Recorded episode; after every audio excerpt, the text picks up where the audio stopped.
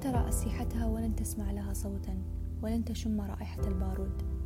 أصبحت الدول تدرك أن الخطر في الوقت الحاضر قد يأتي من الفضاء الإلكتروني كما حصل بين روسيا وجورجيا عام 2008 حيث لجأت روسيا إلى الحرب الإلكترونية بهدف تعطيل أنظمة الاتصالات للقوات الجورجية.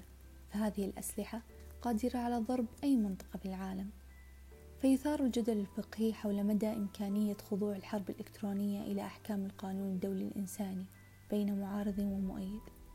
يرى الاتجاه الأول أن الفضاء الإلكتروني منطقة بلا قانون وحجتهم في ذلك أن عبارة الحرب الإلكترونية لم ترد في ميثاق الأمم المتحدة واتفاقيات جنيف ومعاهدة حلف الشمال الأطلسي.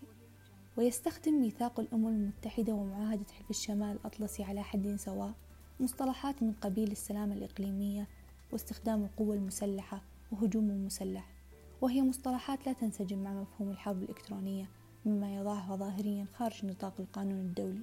في حين أن الاتجاه الآخر يرى أن الحرب الإلكترونية خاضعة للقانون الدولي الإنساني فقد أجمع الفقهاء الدوليين على أن الحرب الإلكترونية تعد حربا بالمعنى الصحيح عندما تكون آثارها على العالم المادي آثار مدمرة.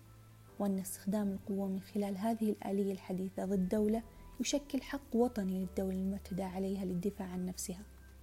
وفي قضية نيكاراغوا ضد الولايات المتحدة الأمريكية والمتعلقة بالأنشطة العسكرية وشبه العسكرية في عام 1986 بيّنت محكمة العدل الدولية أن المادة 51 لا تشير إلى أسلحة محددة وأن مفهوم الأسلحة ينطبق على أي استخدام للقوة.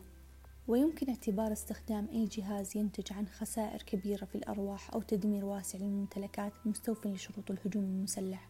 ويدعم هذا الاستنتاج تأكيد مجلس الأمن على ذلك الحق في الدفاع عن النفس ردا على هجمات 11 سبتمبر 2001 على الولايات المتحدة.